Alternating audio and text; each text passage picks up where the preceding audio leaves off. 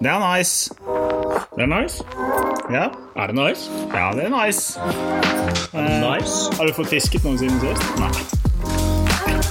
Nei. Nei, nesten ikke. Nesten. Jeg har ikke fisket. Jeg vet at du har fisket. Ja, jeg har fisket. Det, har vi laget sånne jingles og sånn? da? Nei. Jo. Nei, jeg har ikke kommet sånn. Nei, men vi skal lage det før den blir uh, sluppet. Ja, jinglen er nå ti bomtur, ut på tur. Det er så dårlig. men uh, det gjenspeiler oss i en nøtteskall. Skal ikke gjøre det for avansert. Har vi laget noe notat i dag til hva vi skal snakke om? Nei. Nei. Har du startet nå? Nå starta jeg. Akkurat nå, når du spør har du starta. Velkommen tilbake! Velkommen tilbake. Eh, Det har da gått en hel uke siden sist vi snakket sammen. Magne. Det også. Så Har du du får fisket siden sist? Får vi ta en Ingrid Espelid? Nå har vi juksa litt. Igjen. Ja, ja. Vi har fylt på kaffe. fylt på brus. Ja, Beef jerkyen var ikke ferdig ennå. Den nye batchen. Vi har faktisk slukt Utgangspunktet var nesten et kilo. Det ble jo redusert litt i ovnen. Ja, det blir redusert i ovnen. Men eh, jeg er faktisk litt mett på det, for det er ganske mett. Ja. Ja, ja, ja, ja. Da er vi Men, eh, direkte inn fra matpodden. ja. Det er vi. Nei, altså Beef jerky det er jo fast eh, fiskemat. Altså fiskermat. Fra i dag. Jeg tenker at vi skal prøve, Dere må prøve å lage en variant ut av eh, lange, eksempel. Lange jerky. Ja, jeg har laget av laks, og det er faktisk helt amazing godt. Jeg hadde aldri Du har laget den hva for noe, sa du? Laks. Ja. Ehm, det er skambra. Ehm, men da må du røyke den først. Så er det røykelaks. Skjærer du den tynne skiva. Eh, og så må du ha sånn eh, tørkemaskin. eh, Ja, ja. ja. Og fy pokker for en god snacks det. Madammen, madammen sin hårføner funker det? Ja, kanskje. På en god dag. Eller en dårlig dag. Det sølte tallet. Eh, hjertelig velkommen. Ny episode. Team Bomtur ut på tur. Denne gangen med Magnar Ulvaten. Han fikk en så jævlig god introduksjon sist, så han får ikke den nå. Skuffet. Men uh, dette blir jo da del to. Dette er da del to av Jatting med Magnar. Ja.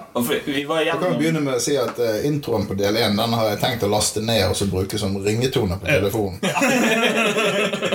vi skal, vi skal klippe den til deg og sende den til deg. Ja, det er jo og sende ferdig. det er. Ja. Nei, altså, forrige, Send en SMS til 1980 med kodeord eh, 'ringetone Magnar'. Koster 3000 millioner. ja. Nei, eh, litt eh, oppsummering. Eh, forrige episode så var vi litt gjennom dette med havfiskerne og hvordan det lå an eh, der. Eh, Vi var innom størjefiske, størjefiske. Litt kveitehistorier. Eh, jeg anbefaler faktisk å høre Men, forrige, eh, forrige episode. Ja, hør forrige episode først. Men det vi hadde lite av, eh, var jo eh, noen sånne skrønerhistorier av Lyver aldri når det gjelder fisk. Vokser ikke de alltid en centimeter for mannen, de fiskene? Det er litt drit med havfisker. Nei, altså Havfiskeren har jo lært meg til at det er mye bedre å slå av en halv centimeter enn å legge på ti. Ja, det er et poeng. Du kan brette, du kan brette under. Du kan brette målebåndet under. Og Det hjelper stort sett Du kan melde inn eh, diverse sånne fiskebamser og sånne ting. Og det, Det, det er kjempegøy. det er kjempegøy. Sant. Endre? Det er gøy. Får seg et par, et par sekser innabords, så, så blir det enda gøyere å melde inn sånne ting. Ja, for det, Den historien har dukket opp i podkasten her før, men vi var jo i Alva havfiskeklubb på klubbtur. Og så var det noen som fant en bamsemakrell på 102 Ja, kaller vi det for en bamse når det er en makrell-kosedyr. Kos, kosemakrell. Kosemakrell. Ja, rett og slett. Nei, altså, men uh, vi, vi, må innom noen, uh, vi må innom noen historier. Eh, for nå er vi rett inn i fortsettelsen av forrige pod. så jeg lurer jo på et par ting. Eh, vi, vi snakket jo litt om hvor henne det bikket for deg til, til det ble galskap av fiske. Men eh, jeg har lyst til å høre hva er din beste fiskeopplevelse? Eller nummer én fiskeopplevelse. Hva er det du Oi. husker best av alle? Oi, oi, oi, oi, oi. Ja, Her må du bruke huet og tenke med Ja, det, er- det er Det er flere faktorer her. Du skal ikke kaste noen under eh, bussen og ødelegge en god fisketur for noen. sant? Under bilen er greit, buss det er litt for dumt. Ja. Problemet er jo at det er jo så Det er jo, det er jo mange Altså det er jo, Hvem man skal trekke fram, da. Ja, hvis, du har, hvis du har topp tre, da. Altså Hvis jeg skal skal si alle tre. Hvis jeg skal begynne med første gangen jeg virkelig hadde storfisk på Da var jeg ja, Hva kan jeg ha vært? 15? Ja. Og hadde egentlig ikke helt peiling på hva jeg drev med. Men jeg fisket jo med agn, da. ja. Tumastang, eller? Nei, det var faktisk en gammel, gammel eh, sølvkrokenstang med, med en eh, Hva heter de? Michelle? Med skjell- Havsnelle? Ja, ja, jeg tror jeg vet hva du mener. Ja, jeg kommer ikke på navnet på han. Jeg tror du har bedre peiling på sneller. enn- Og da, da lo disse kompisene Da bodde jeg oppe i Florø, faktisk. Da lo disse kameratene litt ut og lurte på hva jeg lå og rotet etter på 200 meter med en palesagn. Og under oppsveiving derifra så gikk det på noe som Etter all sannsynlighet må det ha vært en kveite. Ja. Han var i hvert fall så sterk at jeg klarte ikke å sveive på det. Og ikke hadde jeg forstand om bremser og snøre og Det var maks fremste. jeg var I den tid så har jeg vært innom jakt og fritid i Knarvik og fått eh, påfylt eh, Ja, det var en fiskebutikk Ja. i gamle dager. Da fikk jeg den påfylt med, med fireline. Ut av en ung spjæling som knapt nok var fått hår på taska si. Som Endre Opland. Oi, Endre. Yes. Ja, den er fin. Da var han der oppe, og han fulgte denne snellen til meg. og Det første jeg gjorde med den stangen, var å gå i Jostafjorden og så slippe ned en kilo pulk på 600 meter. på Hvor tungt dette her var. Det var tungt. Det var tungt. Ja. Men denne fisken oppe i Florø i hvert fall, den tok såpass at den dro båten min baklengs innover fjorden her. Og det er sykt. Så, så det var nok en kveite, da. Så jeg, hvor lenge jeg holdt den på, det vet jeg ikke. I dag kan jeg vel si at han hang på et halvt døgn, men det var sikkert bare snakk om en 15 minutter eller noe sånt før han Ja. for seg meg. Men det var en syk opplevelse. som sier. Den opplevelsen i seg sjøl var jo helt uh, sinnssvak. Ja. Um, men Hva skjedde med den jakt- og fritidbutikken? Det, det, jeg, jeg, jeg husker vi var der inne og kjøpte sånn uh, luftgeværkuler og ja Jeg vet ikke hva som egentlig skjedde, om han gikk konkurs eller om han bare avslutta. Det, det vet jeg ikke. Ja, for det, det, sånn, det var et barn, det var, eh, Når du snakker om gode minner og sånt, det der var et barndomsminne som dukket opp inn i skallen min. For jeg husker jeg var der inne med gamlingen. Og, eller jeg har ikke lov å kalle han gamlingen, da blir han grinete på meg. Men eh, Din kjære far. Ja, min kjære far. Eh, og kjøpte sluker og luftgeværkuler og alt sånt. Så ja, det var ja, det var Ja. sånt. Trekke fram igjen. Altså, Agnfiske ble jo introdusert som, som guttunge, egentlig. Altså, jeg, eh, som jeg sa innledningsvis i første episode, at jeg begynte jo i lag med min morfar. Og eh, da var det Haglsønnet som var plassen å gå. Hagelsund, det er Det er mellom Knarvik og Flatøy. ja. Og, og han var ganske tidlig på dette med agnfiske. Han fisket gjerne med, med som, som de aller, aller fleste nordmenn gjør, med gummi, makke og pilk. Men hvis ikke det funket, så hadde han et eget tørkle som han egnet med blåskjell. Oh, ja. Og det var jo det alltid fiske på. på. ja. Så det var vel introduksjonen til agnfiske, da. Men, eh, men, eh, Ja, for vi jeg husker eh, men det er jo uten tvil at agnfiske var det som har gitt meg de største fiskeopplevelsene. Ja, for, Som Helge sa det eh, Vi snakket med Helge om, eh, om eh, liksom hans historikk og liksom så sa Helge Bognøy. Uh, og det er jo sånn jeg Fisker du sluk? Nei. Jeg har du sluker, da? Jeg har masse. Jeg er, jeg er litt i den kategorien, jeg òg. Jeg har sluk, og jeg fisker med det hvis jeg fisker etter fisk som det er påkrevd å fiske med det.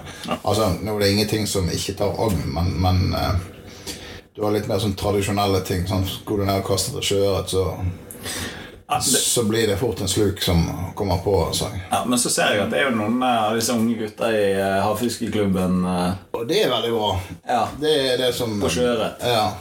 De bruker jo det De har jo døpt det for en, en fireball-rigg, da. Men det er jo, er jo ikke jig- helt det, det, er ja. ikke helt det, da. Men, men eh, det er et jighode med en liten stinger og så en agnstrimmel på. Ja. Og det funker jo så bare juling på ja, det var helt vilt. De plukka jo sjøørret etter sjøørret, de her eh, gutta. Så, så det, og det, det som er bra i sånn klubbmiljø da får du se sånne ting som dette her, og du får tips og, tips og ideer og gå ut og prøve det. Men hvordan oppstår, oppstår liksom agnfiske etter sjøørret? Altså, jeg har vært med på dupp og reke, liksom. Ja, det er jo Det er det egentlig. Det er jo en kombinasjon ut av som du sier, dupp og reke, og at de har vært ute og prøvd fireball på lysing og lange og sånne ting. Ja. Vi prøver det på andre ting. Ja.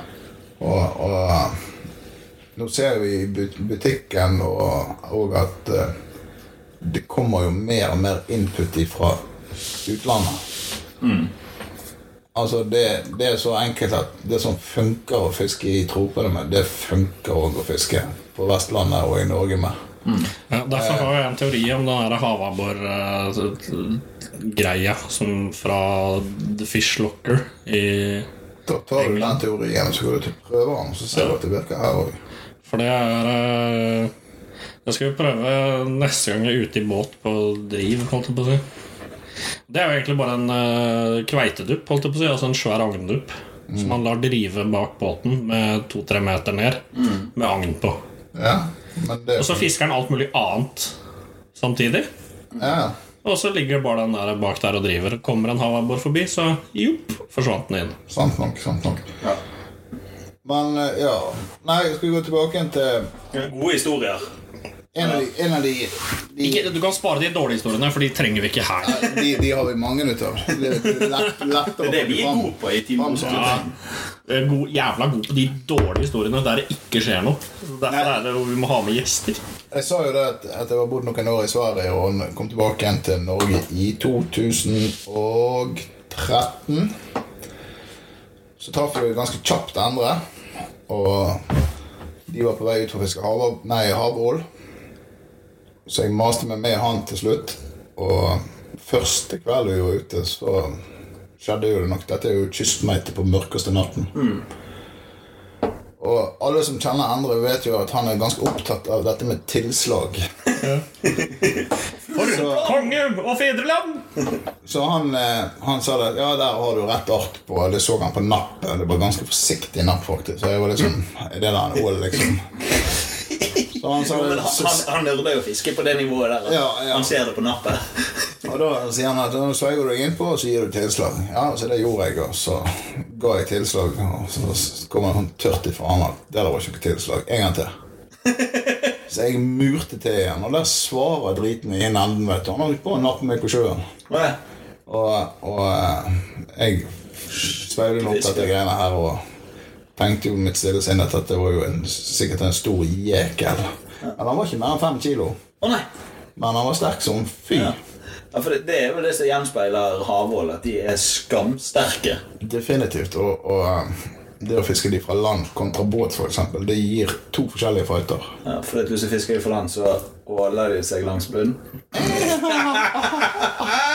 ja. Ja, nei, men altså det er noe med at Jeg vet ikke hva som gjør om det er rett opp. At, at han mister litt power når det går rett opp i, i, fra, fra dypet. Men eh, i hvert fall når du sier langs bunnen, han holder seg langs bunnen, så er jo det en delvis sannhet. For da får jo en sjanse til å kjøre seg ned mellom en stein eller ja, sånne litt Ja, ja, ja. Ja. Og så rygger de vel, ikke ja de, de svømmer like kjapt bakover som de gjør framover. Ja, Det er litt morsomt. Så, så det, er, det gjør jo òg at du får full power. Sånn, på, Ja, du, kan, du kan ikke fighte den på samme måte som en uh, stor for eksempel. Altså, den kan du dra hodet Ja, ål, må du nesten sitte hardt mot hardt. Ja. Så um, altså det som jeg syns er kjekkest å fiske, så, og som jeg fisker minst, egentlig, det er skater. ja. Det er Hva som gjør skade? Det har jeg lurt litt på. Eh, fordi at eh, Men det er litt Det har vi diskutert litt, for det, det er sånn skatefiske er jo fang og slipp. Altså catch and release. Ja. Eh, det har jeg bedrevet lenge, men så har jeg liksom ikke helt eh, Kan du beskrive hva som gjør at skatefiske er kult? Med ord. Har du? det, det er jo en sammensatt ting. Altså, det er jo det å ligge på og egentlig å si, store dyp da, og vente på noe som skal komme, som kanskje ikke kommer. Ja. Og så når det endelig kommer og sitter fast i en hendene, så er det egentlig en alien som kommer opp der. Så det er jo en skapning som er Han er bare så rå utseendemessig at eh, bare det gjør det verdt å ta seg en tur og prøve etter han og få han og få sett han. Ja.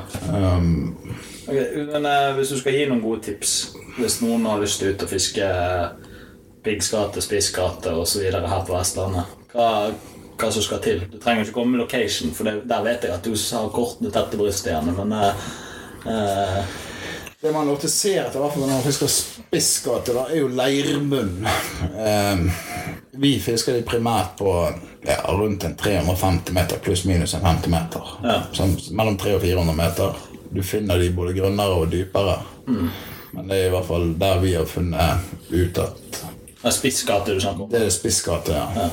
Ja. Um, og da er det første kriteriet er jo å finne det. Og så er det å ha tålmodighet. Og så er det å ligge i ro. Ja, for du skal ikke, du skal ikke ha drift, da. Du bør ikke ha så mye drift. Det går nok helt fint, men i og med at det er så djupt, så, så er jo drift lite ideelt. Sant? Skal, skal ligge der, og du lokker gjerne fisken inn til den plassen du er. Så det er ikke sikkert at du får noe napp de første timene du ligger der. Nei. Har du en vanvittig god plass jeg, sånn i, I fjor da jeg var ute og fiska, så, så var jeg aleine faktisk i båten. Og da hadde jeg ingen napp i det øyeblikket agnet traff bunnen. Ja. Så det, det, det er ingen fasit på at du er nødt til å ligge og vente, eller at han tar med en gang. Eh, Så lenge du vet at det er skatt i området, så handler det egentlig bare om tid. Ja. Altså, fordi at de tingene som kom, er helt motsatt av hvordan jeg tok skatte Men jeg har jo Ja, altså, vi har jo eh, folk som har dunka fireball i grunnen, og så eh, henger noe tungt i enden der. Jeg gjør det to ganger på rad. Ja. Jeg tok jo ett nedslipp. Første nedslippet med Prey jigsticken. Så var det ned på 200 meter. To dunk i bunn. Jøss, så tungt det var her, da. Jeg bare sa opp. Ja, det var spiskatt ja. Så det er, ikke, det er ikke noen fasit, da. Nei, nei. Egentlig. Men altså, tålmodighet er jo viktig uansett hva du fisker etter. Ja. Piggskaten er vel den som de fleste eh, har lettest for oss å fiske. For det første så fisket han mye grunnere. Hva snakker vi om dybde på piggskate? Er Piggskaten kan jo du egentlig finne helt ifra fjæresteinene. Og så der til en 200-300 meters dyp. Vi primært fisker den på en ja, mellom 20 og 50-60, kanskje. Sjelden vi er så dypt som, som 50-60, men, men i det spekteret der. Ja, da.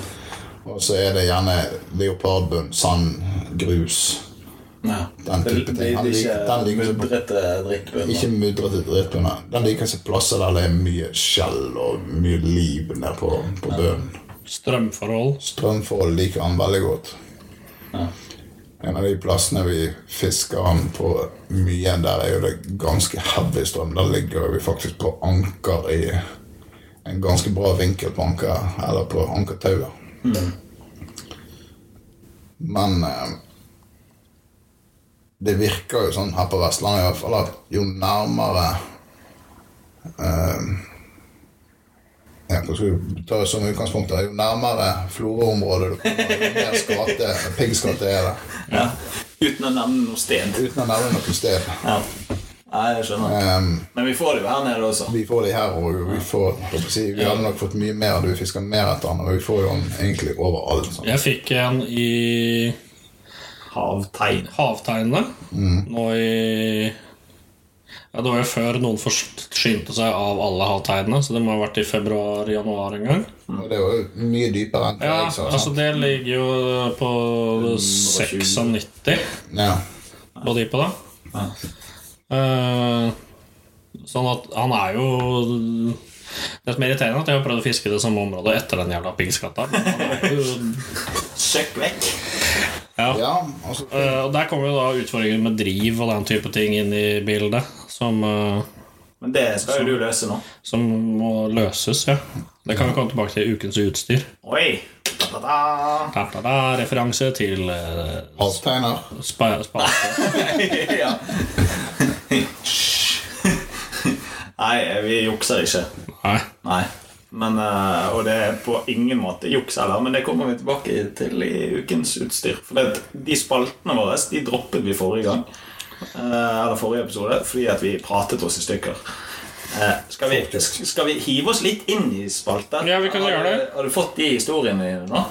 Jeg vet ikke om jeg har fått dem, men det er så vanskelig å trekke fram noen. Men nå har jeg i hvert fall nevnt noen som, som Den ungdomshistorien med agn og, og sånn eh, si når du Det er jo mange som på en måte kan kjenne seg igjen i og har den de kan huske tilbake igjen til eh, en gang de fikk en fisk. ja, Både meg og Men Simen har jo laget oss en sånn historie. Vi var ikke 15 år gamle da, men har laget laget den.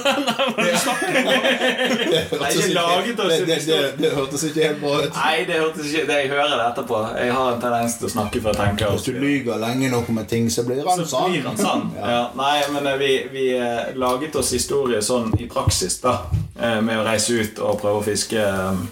eh, Og så mistet vi. Ja, Den var vi innom i forrige episode. Det var vi. Ja. Så den Så den er, ikke, den er jo ikke øh, fabrikkert. Den er bare irriterende. Ja. Eh, I god gammel bondetur-fashion så skal du jo aldri få fisken du prøver på. Nei, det skal du ikke. Og du skal helst ikke få fisk heller. Så Nei, jeg lurer på om vi skal bare dra i gang forrige ukes fiske. ja, Eh, Og da og da er det jo de to-tre foregående ukene. Eh, jeg må bare slippe inn en katt, for det står en katt og jamrer. Vi har ikke sånn proft studio. Eh, Sånn. Med en sånn ekstra lydeffekt. og eh, du har faktisk katt som lydeffekt. Ja. Kom igjen, da, Pusen. Uh, nei, fordi at uh, altså, Forrige ukes to-tre ukers fiske Vi har ikke hatt den på en stund. Uh, litt fordi at jeg har vært og fisket etter laks. Ja. Og der skal vi lage en lakseepisode nå snart. og eh, det kommer vi tilbake bare hver gang du sier laks, så den episoden kommer til å bli jævlig slitsom. Nei, eh, jeg har ikke vært på laksefiske. Jeg har vært på sjøørretfiske. i utgangspunktet. Jeg hadde, um, vi reiste fem mann, eh, delvis seks stykker. Eh, det var en som var med et par dager. Til Lærdal på sjøørretfiske. Og vi fisket i en tom elv. Eh, vi hadde da si fem mann, snitt ti timer dagen, fire døgn. Eh, kjapp hoderegning. Det blir For mange timer. ja, 200 timer, blir ikke det? Jo, noe sånt. Eh, med sveiping av flueelv. Eh, kjørte full smultring. Altså da null fisk. Så det er jo spennende. Det er, det er min Ja. Og, fiske. og så sitter han eh, i enden av sofaen her og prøver og sier sånn 'Laksefiske er kjempegøy! Det er bare å være med!' Kjempegøy å være med på laksefiske. Det koster bare 10 000 kroner for fire dager og ikke for noen ting. Ja, men eh, ja, 10 000 det var Så kunne du- god underdrivelse. Så kunne dere kommet inn til meg og så brukt alle pengene på butikken hos meg istedenfor. Ja, det kunne jeg. Da hadde du hatt mye fett utstyr. Ja, det hadde jeg. Ja, Men det er ikke sikkert jeg hadde fått fisk uansett. Det er sant, men nå har du i hvert fall investert pengene i noe så så lettere pengene mine på. Ja, jeg kunne, kunne solgt det videre. Kunne du kjøpt én stang? Nei, altså øh, Ja. det er et poeng. Nei, altså Men øh, i forhold til øh, fiske Vi har jo sett mye fisk. Uh, fordi i Lærdal så, så har du en uh, seapool som, som er ganske stilig. Eh, for der ser du all fisken som kommer inn. Og så hadde vi litt flaks ene dagen, for da kom vi ned. Vi, det er sein oppgang i år. eh, rundt om egentlig hele eh, Helt fra Sørlandet og hele veien opp til Trøndelag. Nord-Norge har fått bra tidlig innsig. Med pukkel, ja. Og de har fått en jævlig mye pukkellaks. Eh, men eh, så var vi i hvert fall nede i Seapoolen, sto på broen der, og så, så kom det først en laks svømmende som var jæsla stor. Det var sånn ti plusser. Og så så vi bare skyggen av flaket. Og det er en sånn eh, Da får du litt puls, da. For da kommer det da et flak med sted mellom 150-200 laks. Eh, med snittvekt på godt over 10 kilo. Det siger oppover elven. Og det var jo på siste døgnet. Og oppe der som vi fisket, så, så tar det ca. et døgn før laksen kommer opp. da Nå er ikke det nå er ikke lov å fiske laks der, så det har ikke oppe. Men det har vært litt kult uansett. Eh, så, så vi vi sto og spottet på de fiskene, og flere av de laksene som kom inn der, var i sånn 20 kilos-klassen. Så det er jo håp for Lærdalselven, da. Nå er det ja. Så det er min uke.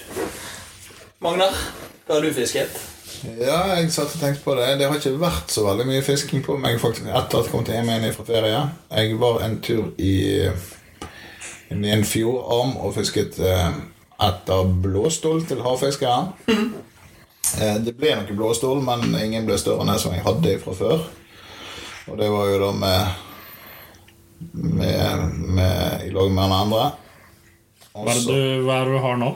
32, tror jeg det. Så, eh, og så har vi vært en kveldstur etter lysing. Og da ble det vel fire lysinger om bord i båten. Egentlig bare små hannfisker. Jeg skulle til å spørre Ble det noen uh, meterfisk? Nei, Nei. det ble det Men har lysingen begynt å ta på kvelden igjen nå? Litt. Det var ikke, det var ikke kjempetak i det. Det var jobbing for, uh, for hver fisk. Enda han mista en fin en. Vi kan jo, kan jo dra på oss og si at det var helt sikkert en norgesrekord. Har vi hørt om Norges rekorder inne lysing tidligere i år, eh, kanskje? Mulig, mulig at det er en liten snor der, men, eh, Det er en historie vi faktisk skal ta etterpå. men eh, Ellers har ikke det vært så mye fisking. Jeg har noen planer i Ja, men det, kommer, det kommer i neste spalte. At eh, vi kommer til eh, neste ukes eh, fiske. Ja, så vi må ikke, må ikke blande spalten her. Nei, nei. Utrolig urutinert på podding. Han har jo vært med i en episode før, Ja. du da hadde ikke vi spalt Jeg skjønner ikke hvorfor ikke du har catcha eh, på liksom du- kutyme her nå. Nei, da. ja, Nå tenker jeg at jeg skal gå hjem. Men ja, Simen, Eh, har du ja. fiska? Jeg har fiska. Eh, Har du fått fisk? ja, men ikke Jo da, jeg har jo fått eh, spennende fisk òg. Eh, sånn sett. Eh, Ja, fordi det, du har ikke tatt opp disse Jo, det har du. Eh, Skjellbrosme Skjellbrosmen har jeg ikke snakka om her ennå. Nei? Men eh, Jo, det var ikke noe jo, vi snakket med, med Helge om skjellbrosme, for det, det er klubbrekord. Men jeg var inne og sjekket, ja, og uh, han ligger ikke på artsfiske.com. Jeg har lagt den inn, så den må Ja, det er ikke klubbrekord, for jeg har klubbrekord. Og vet du hva jeg har klubbrekord på? Makrell. Nei, lysing! Ja, ja. Ja. Men det er ikke sikkert at, eh, At, at. Simen er oppdatert i eh, klubblisten på artsfiske.com, men det, det er jo sånn som vi må sjekke opp. ja, for den, den må vi ta litt i. For, for jeg, jeg har pokker ikke den største lysingen i klubben. Ja, for Vi må sende inn en del eh, papirer til, til Artsfisk etter hvert som vi får nye medlemmer. og sånt, At de får de inn. Nei, sånn, Da er det også viktig at medlemmene gir beskjed til oss at nå de melder seg inn i Artsfisk. At vi vet om at, at de skal inn i klubben. nå. Jeg skjønner. ja. Nei, men det, Men hvis han ikke er der, så er det bare å melde han inne, og så kommer jo rekorden inn automatisk. Ja. Men der har jo vi en jobb å gjøre på hjemmesiden vår. Med, Har vi en hjemmesideansvarlig? vi har det. Jeg lurer på om jeg kjenner etter Martin òg. Ja, det er bra å putte sånn. IT-oppdrag på sånne, Ja, ja. sånne folk. Uh, nei, vi har vært uh, ute Jeg tok med meg en god gjeng fra klubben. Uh, og stakk utaskjærs hørte rykter om at du holdt på å sprenge et par stykker der, så på tid. på tid. Var det noen som måtte låne sengen i båten? Nei, men tilbudet var der. Stakkar menneske. Eh, men altså, det var jo da tidlig i morgen ut. Eh, vi fiska i 14 timer etter Lange. Før Langen beit på. Eh, og flytta Altså, vi tok da eh, seks-syv forskjellige plasser på en gitt plass. Og fiska på en måte opp og så ned igjen. Og traff på Lange, da, på, som vi var mål Det var den vi prøvde på. Etter da 14 timer så traff han. Hva er det som skjer når du får fisk etter 14 timer? Ja, du blir ganske gira. Og det som var eh, akkurat på den der, var ganske spesiell. For da satt det en kar foran i baugen på båten. Som hadde vært eh, god med leppa hele dagen, men så plutselig så ble det stilt. og da skjønner du at da sitter han og kjører på noe stor fisk. Og så har han ikke skriket bakom det helt ennå, for han ville være sikker på at han satt ordentlig. Så biter det på en ganske stor fisk på, til han til høyre for meg. Eh, Tim, som var med her i, for et par uker siden i podden. Svensken. Svensken. Over ti kilo. Ja. Oi, oi. Og Er det, så, er det big news? Ja, det er big news. Ja. og så smeller det på pokker meg et beist hos meg òg. Det er sjukt. Eller beist og beist. Det kommer vi tilbake til. Men poenget var jo da at jeg blir gira, så vi begynner å pumpe opp denne fisken. Får den opp 30-40 meter. Og da, etter å ha fiska 14 timer etter lange og etter stor lange, så blir man ganske forbanna når han slipper etter 30-40 meter. Jeg har hørt noen rykter om at det ble en hissig sime. Og jeg var så forbanna. Og jeg kasta rundt på ting og tang i båten. Og jeg sto og banna steik. liv av uh... Og jeg sto og banna og steik og var så inni helvete sur. men, men skal vi høre hvordan det hørtes ut? Ja. Skal vi se, Jeg har, jeg har en video her. Å, fy faen!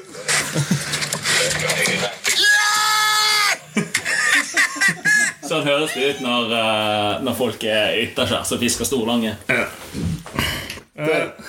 Men det som var resultatet da, var jo det at jeg eh, tidligere, når jeg har fiska etter stor lange, så, og, og den har sluppet, så har jeg sluppet dagene etter. Og så har jeg gått ned igjen og så prøvd å dunke og se om han kommer tilbake igjen. Den her var jo sveiva opp 30-40 meter, fra rundt 130-140 meter. Men i og med at jeg gikk rundt og banna steika og var dritforbanna, så sto agnet i ro.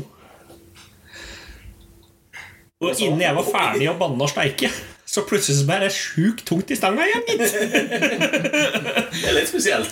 Og da står jeg bare med venstrehånda Han sto bare dassa med stanga. Bare holdt den der, bare for det var like før stanga gikk på sjøen. Ikke sant? Det var det så sur. Men der tok den jo faen meg tilbake igjen. Og det var deilig, ass. Og når det da i tillegg kommer opp som den største på turen, da er det enda deiligere. Men han var dessverre tre centi under den Ja. ja, som var Men det minner, minner jo meg om når vi snakket om ukens fisking. Jeg glemte jo nærmest at jeg var jo vært på tur med, med Trond og Helge Bognøy i klubben. Ja. Og da gikk vi inn i fjorden. Det var samme dag som dere gikk på havet. Eh, og vi gikk inn i fjorden og slapp ned på en, en kjent lysingplass her i området. Og stangen min knela jo totalt idet jeg kom på bunnen. Den hang på i et halvt minutt, så var jo den av igjen. Så hva det var for noe, jeg vil jo tippe at det var en stor lange, men jeg vet ikke. ja, for det er litt stor lange i fjorden nå. Det er mye stor lange i fjorden. Man må bare vite hvor man skal gå hen. Eh, Så er vi der og fiska hele dagen, og fiska primært etter lysing. Og vi fikk vel opp en to-tre stykker. Det er ikke spesielt fart i lysingen akkurat for tiden. Nei. Så flytta vi området og skulle fiske etter blåkjeft. Og Helge han fortsatte med fireballen sin og slapp ned, og det var dunk-dunk. Og der smalt jo det på et beist av en lange. Og den hang jo på hele veien opp, og gutten smilte jo fra øre til øre. Han sto bakpå der. Lange kom opp, og det var Hadde det vært en fisk i med rogn og sånn, så hadde han nok vært 25 pluss, vil jeg tro. Men han var nok en eh, Vanskelig å anslå, men en 17-18. Jeg har han på film. Han, han, lå i, han lå i sjøen Den, den historien har jeg hørt, faktisk. Han lå i, lå i sjøen der og rulla med, med svømmeblæren ut. Og klarte å rulle seg av snøret. Jeg sa til Helge at det ikke er noe panikk. Det, han flyter. Og plutselig så ser jeg over rekka, da står han på fem meter under båten og svømmer for harde liv. opp. bare forsvant. Og Helge han var helt sikker på at dette var i, garantert ny pers i båt, i hvert fall. Uten tvil, sa han. Ja. Det er surt. Ja, så han var nok 150 cm pluss, den fisken. Oh, kanskje han var oppe i 160 òg. Det var en stor lange. Ja, det er dritt. Så han ble rimelig stille. Han, ble ikke, han responderte ikke på samme måten som Simen gjorde når han hans røk. Han ble bare stille. Så jeg tipper at den kvelden så lå han under stuebordet i fosterstilling. Jeg ser det for meg, Så, faktisk. eh, så det er vel ukens kuleste fiskeopplevelse for meg var jo når han mistet den fisken. Man har, man har lov å godte seg litt, grann, ja. men, men eh, nei, altså, det, det, er jo, det er jo kjipt å miste fisk sånn. Definitivt. Og en lange som har sprengt svømmeblære, skal ikke ned igjen. Men han har sikkert klart å tygge hull på han sjøl. Ja, antageligvis. Ja. Men eh, overlever en Det har jeg lurt litt grann på. Eh, hvis du snakker om catch and release, overlever en, en catch and release-lange fra 100 meter hvis du punkterer blæren på han og slipper han ned igjen? Tror du? Det spørsmål. vanskelig å si. Altså, Jeg skal ikke si ja eller nei, men jeg tror det at så lenge han punkterer han sånn som han gjorde her sjøl, så går det fint. Ja. Altså, der. Men, men jeg har ingen det, som helst ballast. Nei, nei, Nei, Nei, det det eneste, eneste referansen jeg har til det, er at jeg, jeg så en uh, del på uh, YouTube der hvor alle andre lærer ting om dagen. Uh, og det var på revfiske i, i USA så er de pålagt å ha med seg nål Så sånn eh, ja. for å punktere uh, på arter de ikke har lov å fiske.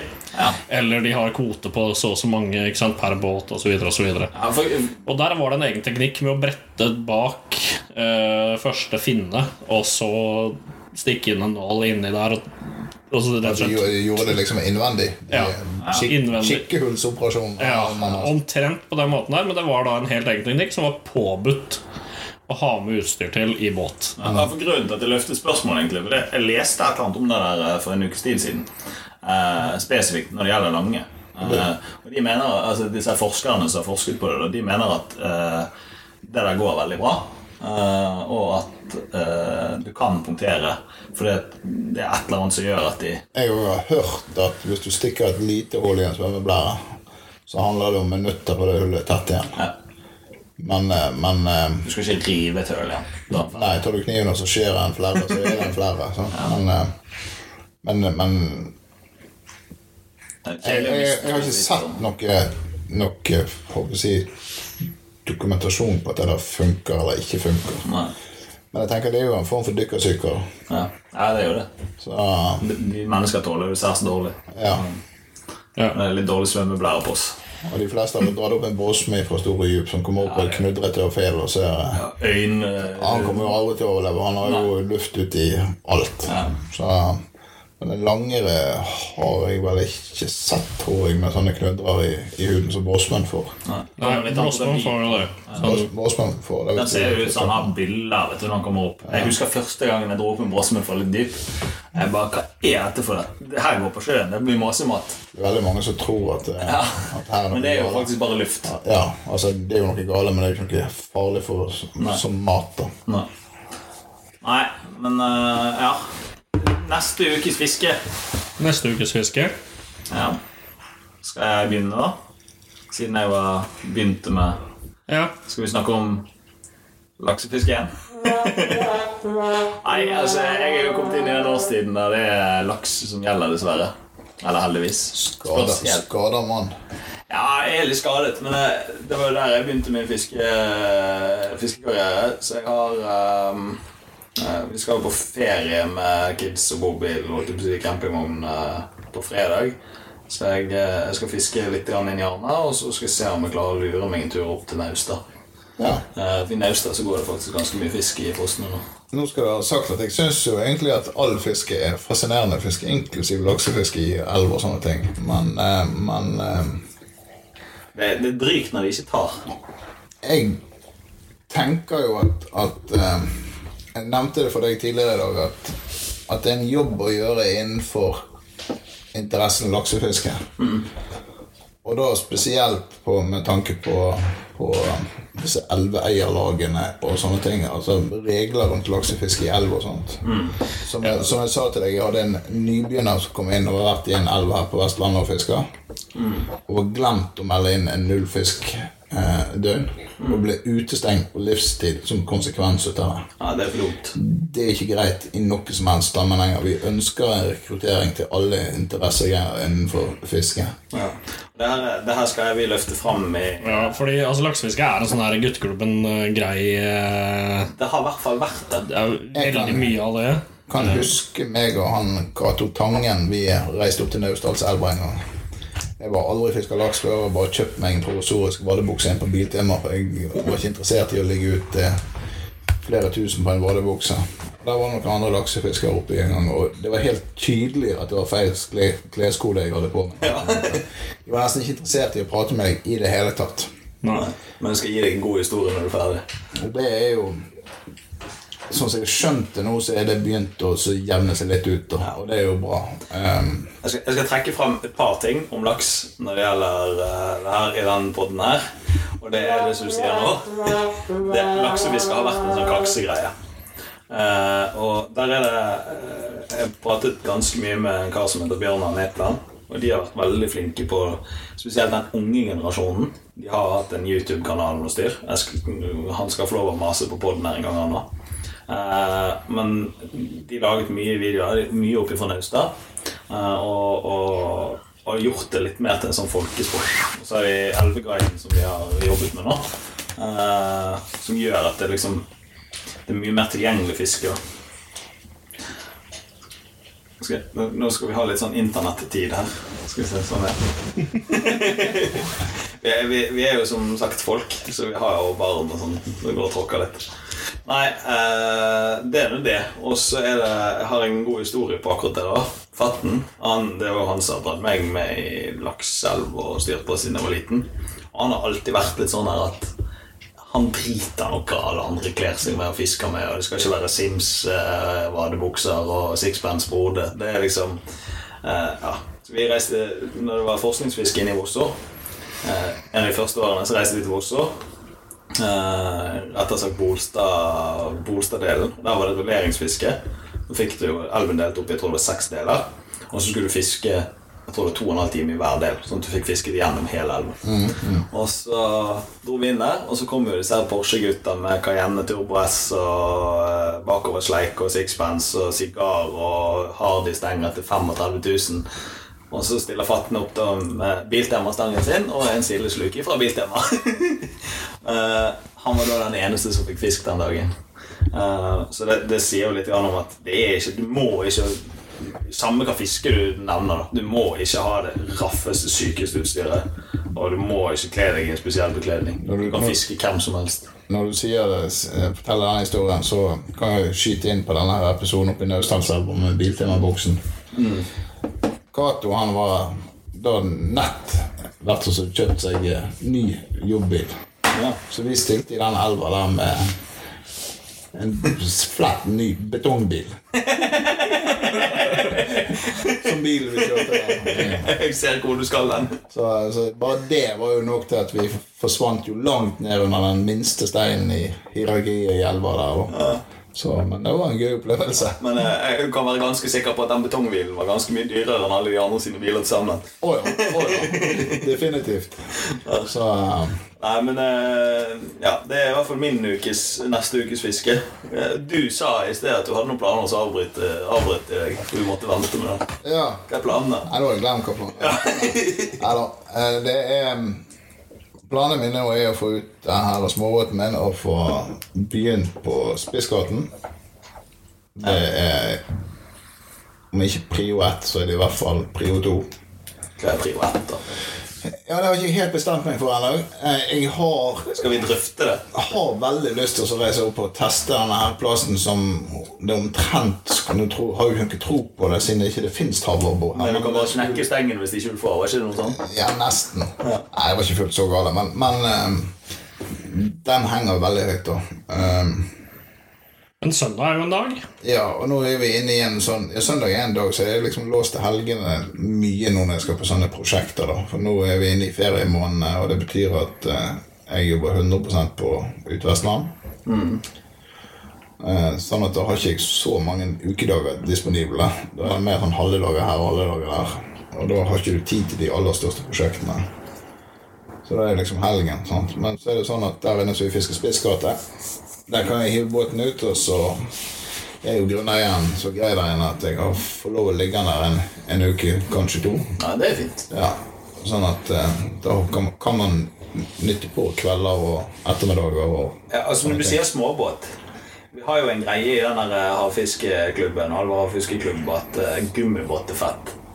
Er det gummibåt? ja, det, det er ikke en greie i alle havfiskeklubb. Det er noe Frode Berven begynte med, som disse her bloggerne har tatt over. Og, og som jeg tilfeldigvis ble dratt inn i. Ja, for det er gummibåter vi snakker om her. Fordi at eh, Martin hadde ikke gang til å hente en gummibåt som ble gitt vekk gratis, så fant jeg han tilfeldigvis på Finn og knabba han framfor nesen på det. Ja, men det skal være sagt at den, eh, den greien der ble jo utsatt fordi at vedkommende som ga bort den. Jeg håper han hører på.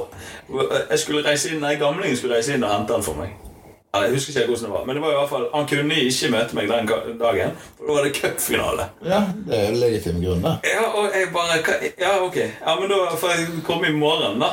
Eh, Men jeg, da er det ikke tid for litt utpå dagen. Nei, da er det for seint. For det, da er det en annen som vil ha den.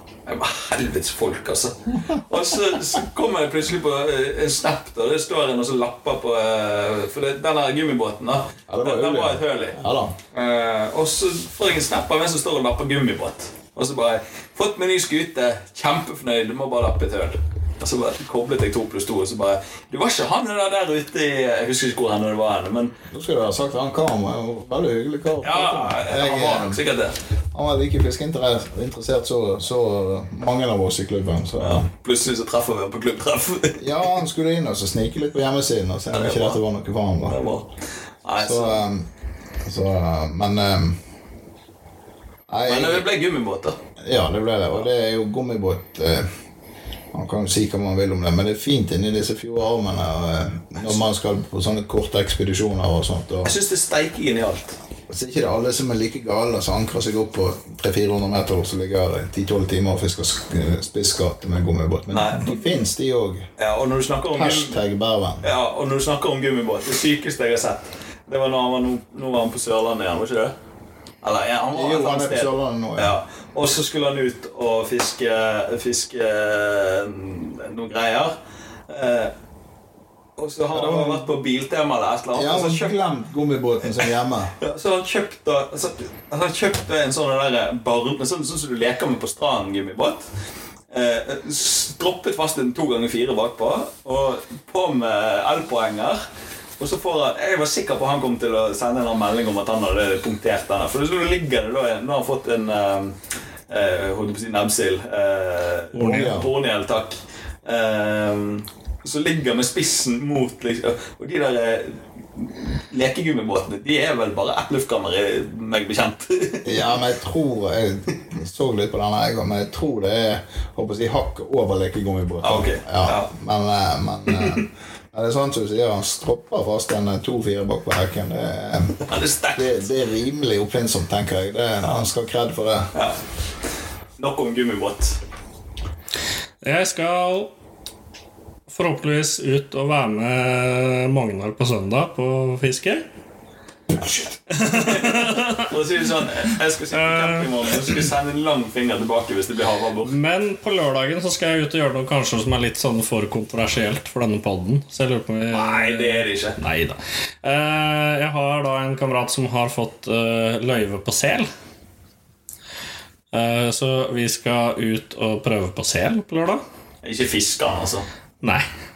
Hakepekk. Med Det Det er mer kontroversielt i denne podden. Det tror jeg òg. Så da er eh, planen eh, å fyre han av på en holme som han kan eh, sitte på og speide. Og så kan jeg fise rundt i båt og fiske så lenge. Og så hører han en Og så hører vi når det smeller. Og så er det på med fridykkerutstyr og ned og hente opp da det som blir skutt. Hvis det blir skutt noe. Og det blir jo ikke skutt noe. Men Og da skal han eh, lage seg selskinnsvest. Du vet at hvis du skyter, skyter selen riktig, så flyter han. Ja. Eh, haverten synker visst uansett, er det Ja. folk som sier. Så det blir, men det blir jo noe Det er jo Det er noe nytt. Det er noe nytt, og det er noe i samme eh, vann, i hvert fall. Det går jo under eh, Det går jo Jeg vet ikke om det kommer inn i, i under kategorien havfiske, men, Nei. Nei, men det er høsting. det er høsting. Jeg skal i hvert fall fiske mens vi holder på. Hva skal du fiske etter, da? Ja, Det kommer litt an på hvor vi ender opp hen. Uh, Ja. Ja. Men utgangspunktet er jo at uh, det området vi har sett oss ut, er litt uh, sandbunn. Uh, litt, uh, litt den type country. Ja, Fordi Eh, fra vårt dykkemiljø ja. eh, så, så er det jo en kar eh, som vi kjenner, som har skutt to igjen. Ja, Eh, det var hva var det, syv og elleve kilo eller noe sånt. ja. Altså det er i det området der. Ja, så der skal Simen fiske piggvar. Så det er det jeg skal prøve på lørdag. Ellers så har jeg leid da en leilighet på Feie. Eh, neste helg igjen med familien. Så da kjører vi båten ut, og så er det å fiske da Sier du det nå? Han skal på at det er en- destilleriet. At en åpen invitasjon til Feie til hele Alva har neste Nei. Nei. Det sitter 45 mann inne i en eh, treromsleilighet her på lørdag. Eller, ja. Nei, så da er jeg med familien ut der eh, og ta med de ut på litt sånn variert fiske. Da er målet bare å få noe fisk. Ja. Mm. Det å skape de opplevelsene som veldig mange av vi oss sitter med i dag. Det er viktig å dra familie med seg, så å få få lagt den grunnleggende fiskeinteressen til Ja. ungene når de er små. Jeg har jo tre unger. Eldstemann er jo 24 nå. Han var ihugga gjeddefisker når vi bodde i Sverige. Mista litt interessen når han kom til Norge og skulle begynne å fiske i saltvann. Jeg tror det handler om at gjeddefiske er bare et visuelt fiske. Han fisket mye med flytende frosker i overflaten. Og det er fett. Og det var jo vanvittig gøy når gjelder tok. sant? Jentungen er vel den som har vært eh, mest driftig når det gjelder å være med pappa ut og fiske. Oi. Det er kult. Ja, vi har hatt eh, de siste årene så har vi hatt eh, har vi hatt noen sånne faste turer med Bremanger sjøbuer. Der vi har vært oppe Vi har ikke vært ute med de i sommer, faktisk. Men nå er hun flyttet opp der, så nå er det bare fem minutter unna. Ja. Og så Når hun var 14, så kjøpte jeg stedet kjøpte kysten meg til Stangtoren. Ja. Da har jeg hatt første turer til, til sør der, på Sørøya. Har har du fått henne med deg på kystmeite når hun var 14? Ja. Det er ganske imponerende. Hun var med meg på nattfiske og alt mulig. Og, og hun var lei til tider, men hun syntes det var skitgøy, og spesielt hvis hun kunne, kunne slå meg, da. Ja. Eh, Det var, vel, det var vel der triggeren var, kanskje. jeg fikk jo høre det når eh, Når eh, jeg fikk kystmeiteutstyr og vi for ut for å fiske med dette her på dagtid og var på jakt etter piggsskatte, egentlig. Og da var jeg vært på Sørøya, meg og han Cato Tangen. Vi var oppe og grisebommer på kveitene her oppe. Cato fikk seg en liten tass på akkurat på minstemålet. Jeg fikk ingenting. Av den sorten. Kom ned her, og første napp hun får, det var en kveite. Det er stilig. Så da fikk vi da høre hvor mye kosta det var å en tur til Sørøya. Hvor mange kveiter fikk du der oppe? Den, den, den tipper jeg hun husker den dag i dag. Jepp, jeg hører den innimellom ennå. Ja. Så ja, det er kult. og det er jo sånne ting som, som gir de minner. Sant? Og det, de aller fleste ungene håper jeg, detter ut ifra fiske i tenårene. Og så handler det vel, tror jeg, da om å ikke gi dem for mye press i tenårene. Så kommer de tilbake igjen av seg sjøl når de blir litt eldre. Ja. Nei, det der er jo litt sånn eh, For min del òg. jeg, jeg husker eh, min mor jobbet mye nattevakt og sånn. Eh, og var mye borte på dagtid fordi hun sov. Og det, da var det liksom sånn Da var det forbudt å være hjemme, for da skulle hun sove. Så da var det pakke i bilen, og så var det dytte bilen full av fiskesteiner og styr, ut og så fiske og på en eller annen kai og sånn så det. Og så var det faktisk litt sånn når du sier det, når tenårene kom, så dabbet jeg det helt av. Det var dritkjedelig å være med foreldrene sine, og eh, det var trass som var oppi. Og så kom det liksom litt tilbake igjen, og da begynte vi med laksefiske litt igjen. Og da var det gøy, for da fikk vi reise litt eh, rundt forbi. Eh, og da tok vi det liksom litt opp igjen. Så, så jeg, jeg kjenner meg igjen i det. Så han junioren her, han på, som er med meg i dag, han er ti år. Og han har Du må kjempe litt for å få med deg på tur, men når han er med deg, så er det greit. Og når han har fått en fisk, om det er etter ti minutter eller en time, så er fisketuren over. Da har han vært på fisketur. Oh, ja, ja. Så um, det, det handler vel egentlig om å ikke gi dem for mye press. Hvis du sier at 'glem det, vi skal være her i ti timer til', så da da, da, det. dreper du den interessen. Så um, Ja, det er veldig greit. Bare for å nevne sånn, Med en sånn båt som, som eh, jeg har, så er det jo da å sette unga inn, gi dem iPad når de er lei, gå ut, ta noe kast, drikke noe kakao, ja, hvis du, spise og så Altså gjøre Du må gjøre du det. må gjøre mer enn bare det å Ja. stå og daske sluk, da. For å si Fisking det må på være den. tema. Ja. Ja. Og klausulen for å dra ut er jo sånn som vi, når vi var ute nå Hun hadde jo med seg en venninne. Hun er jo 10-11 nå i år. Ja, Ut måtte fiske ja. Hun er 11. Eh, ut for å fiske hai ikke sant? midt på natta på sommeren. Uh, fikk jo ingenting over drittvær og alt mulig rart, men da er det kakao og snop og film og tjo og så var klokka plutselig halv ett før de var i seng, ikke sant? og da slokna jo de på en 30 sekunder. ja det visst. Så, men da blir det en hyggelig greie ut av det. Jeg lurte jo jentungen når hun var i den der Ja vet, hun, var Kanskje hun var tolv, faktisk. Til å slippe ned på 540 meter her i Ostaturen. Og det gikk jo eh, ganske sånn som det pleier å gå når du er på dypet. Det napper jo til der nede, og det var jo en liten svart hår. Så hun sveivde jo kverna denne stangen opp alene, for jeg var ganske konsekvent med at eh, Nope, dette gjør du sjøl. Så når hun har fått han opp og oppdaget at det var en hai i enden her, vet du, så var jo dette dritgøy. Så hun skulle jo fiske mer på dyp. Ah, ja. Jeg trodde hun var lei etter de første 500 meterne, men hun takla et par timer til. Altså. Så det, Jeg eh, snakker om å svømme 500 meter. Det leder oss inn i eh, ukens utstyr. Ja, nettopp. Eh, Fordi at jeg skal sveive 1000 meter etterpå. Med hva er det jeg skal sveive på? Det har du kontroll på. Det har vært å handle bort hos Uti òg. det har du, vet du. 1000 meter. ja. Du skal fylle to sneller, du. Ja, skal det. Med to ganger 500 meter, kompakk, åttebreid, multicolor. 024, var det det dere tok? 28. 28 tok det, 28, ja. Vi skal fiske så jævlig stor fisk, så da må vi ha 28. Ja, nei, det må være såpass. Um, Nei, altså Nei, Det handlet vel om at jeg hadde ikke 024 liggende i 500 meter. Ja, det handlet om det. Men uh, Men eh, Nei, det skal jeg gjøre. Og, og det er jo en spalte vi har. Det er ukens utstyr. Uh, Så hva er ukens utstyr? Det er da det Magnar sa, ja, fra din side. fra min side er det det. For det er det jeg skal ta mest i denne uken. her Bortsett fra fluestangen. Og da skal jeg trekke fram uh, en billig fluestang, for det er veldig mange som driver og kjøper fluestenger til 20 000 kroner. Det er etter mitt syn bare piss. Uh, I aller høyeste grad. Jeg hadde årets største laks på en Kommer den der ni- ni- nå? Nei. Eh, årets største laks i Der kommer den, ja. Eh, på en guideline hatch klasse 7 fra, eh, fra um, XXL.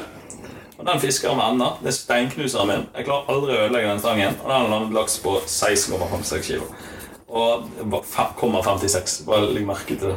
Veldig nøye. Men det han sier, det handler ikke om, ut, handler ikke om utstyr, det handler om Det er fisker. eh, nei, det handler ikke om utstyr. Det handler om hvordan du bruker det. Så sa hun Ja, nei, jeg klarte ikke å la være. Beklager. Eh, ditt utstyr? Ja, hva skal jeg trekke fram, da? Nei, vi kan ikke ha så dødtid her. Vi må ha litt Nei, Jeg får slengt sånne ting uten manus og noe som helst. Så Uten det manus. det her Har ikke du hørt på podden før, eller? Nei, det er helt nytt for meg. Hvis det ikke hadde eksistert engang, faktisk. Nei, nei. Nei, altså, jeg vil jo slå et slag for Fireball, da. Jeg eh, Den har jo vært oppe som uh, ukens utstyr tidligere Han har det, ja.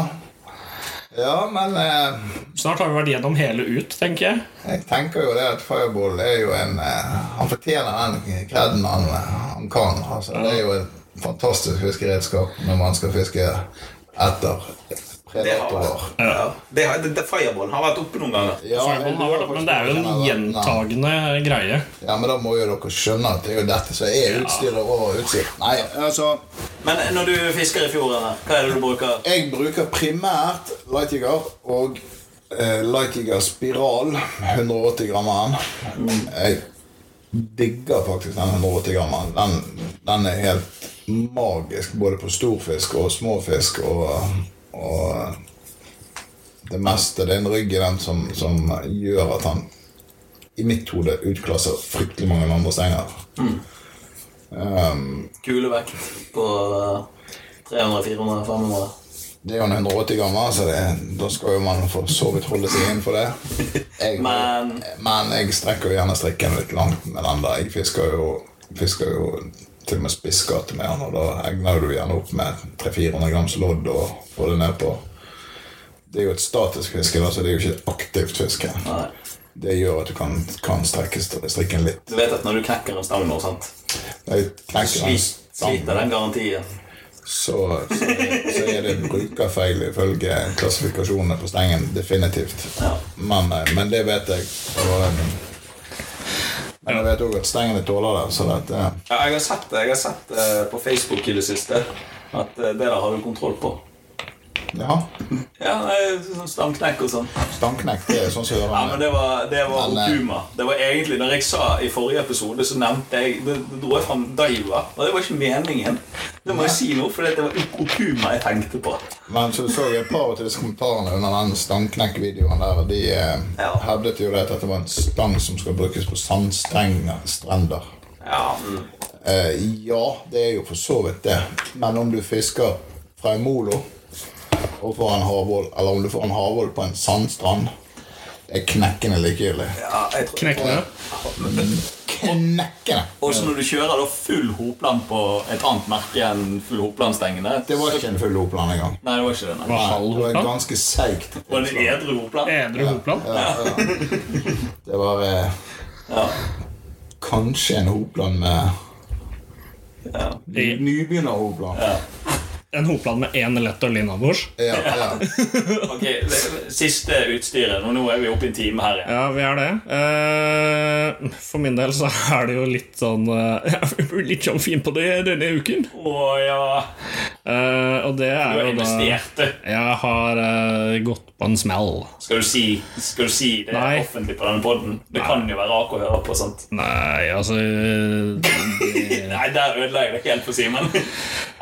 Nei, altså det er jo Motorguide, da. En eh, XI5 eh, 72 inch 105 pund. eh, det blir jo den største de lager. Ja, fordi du har stor båt. da. Jeg er litt usikker på om madammen jeg hører på, men det er vel den du fikk gratis, sant? Ja, det stemmer. Ja. Eh, mot mot uh, eh, tjenester. Eh, ja. eh, nei. Eh, Dessverre. Eh, Så det er eh, ukens prosjekt, egentlig. Å få på båten, først og fremst. Ja. Eh, For det blir litt customizing. Ja, det blir eh, spesiallagde rustfrie beslag for å få dette her montert fast i en båt som ikke eh, Det er ikke lagt til rette for at den skal være der, i hvert fall. For å si det sånn, Jeg har fulgt litt med i den prosessen. Og, og hver gang Simen skal ut, så tar han en telefon og skal fortelle hva han skal gjøre. på For han er jo litt giret. Han modererer jo seg noe helt inn i huleheite her. Han sitter, for han er fryktelig giret på denne motorguiden. Ja. Jeg håper for guds skyld at det virker sånn som forventet. Uh, hvis ikke så blir det Men jævlig dårlig stemning. Da er jeg glad jeg skal reise på ferie. Sånn. Med tanke på hvordan han oppførte seg når han mistet en fisk, så Ja. hvis jeg tenker tanken på hvordan det gjør hvis det ikke fungerer sånn Da ryker er. det tenner. Ja. Men, uh, så det har vel vært en eh, 13-14 turer fra Knarvik og ut her for å tilpasse og måle og Ja, men altså, når du først gjør det, så må du gjøre det ordentlig. Ja. Det er med. Eh, og så har jeg lyst til at det skal monteres sånn at det faktisk blir brukt. Ja. Uh, og har en del kriterier på sånne ting. Jeg har ikke lyst til å bære det opp og ned fra båten, for det er tungt og jævlig og dritt. Det må sitte fast skikkelig, sånn at det sitter fast skikkelig. Det må ikke være i veien for noe i båten, så du kan bruke båten som vanlig. Du kan sitte i benken foran, du kan bruke båten som vanlig. Og så skal det være lett å ta det opp og ned og hit og dit. Og så må du kunne lades når du kjører. Så det er en del sånne ting Og så som må på har du en sånn Simrad-computer stående inni der, så du har en knapp på så du kan Ja. det til. Og, det skal være integrert med båten i alle deler. ja. Han er jævlig fin på denne. Ja, men Ikke noe altså med det- gummibåt. Sånn som Men, jeg men sånn at Jeg har jo fiska en del med motorguide tidligere. Og det er en tid før, og det er en tid etter motorguide. Ja. Det, det er to vidt forskjellige verdener. Ja, det eneste jeg vet, er at han har altså ca. 20 kilo for lite pull. Eh, eller 35 pound, 35 pounds for lite til å kjøre den båten i dorgefart. Men hvor mye har du tenkt å dorgumubåtene? Det er jo ankerfunksjon. Det er ankerfunksjon Ja. som vi er ute etter, og der eh, skal det være innafor spekk. Ja, Så det er jo da egentlig bare å se åssen det går. det går helt fint. Det tror jeg også. Nå har vi også da fått laget et spesialfeste i, én 1 cm rustfritt. Uh, som også gjør at jeg vinner 10 cm ned til vannet. Så at jeg får litt mer igjen for høyden. Det er Uh, for propellen for propellen lenger ned. enda litt lenger ned enn Ja, det det jeg først eh, hadde regna med. Ja. Så bilder kommer på Instagram etter hvert når det der er eh, oppe og går, men det blir et helvete å trekke kabel og sette det skikkelig sammen. Altså. Men eh, gutta, Da nå har jeg fått melding. runder vi av. Ja, fordi at Der er en på Instagram som skriver til meg på dansk. Jeg har bruk for din hjelp riktig hurtig. Oi. All right, hva er utfordringen, svarer jeg. Så den lar vi henge i luften til neste episode. Ja. Takk for at du gadd å være med oss. ja, dette var jo bare kjekt. Ja. Og så håper jeg at uh, vi kan dra på fisketur snart og ikke bare sitte og jobbe. Så kan vi jobbes videre i båten. Det er vel en viss for at det blir, eh, blir noen sånne turer. Eh, har du planer i morgen på dagen? Nei, Skal jeg ta hjemmekontor i morgen? eh, det kan du godt gjøre. Denne podkasten publiseres også ut til Nei, men eh, takk, Takk for i dag. Jo, sjøl takk. Ha det. Takk, Magnar. Det er nice. Det er nice. Ja, Er det nice? ja det er nice. Nice? Har du fått fisket noen siden sist? Nei. Nei. Nei, nesten ikke. Jeg har ikke fisket. Jeg vet at du har fisket. Ja, jeg har fisket. Det, har vi laget sånne jingles og sånn?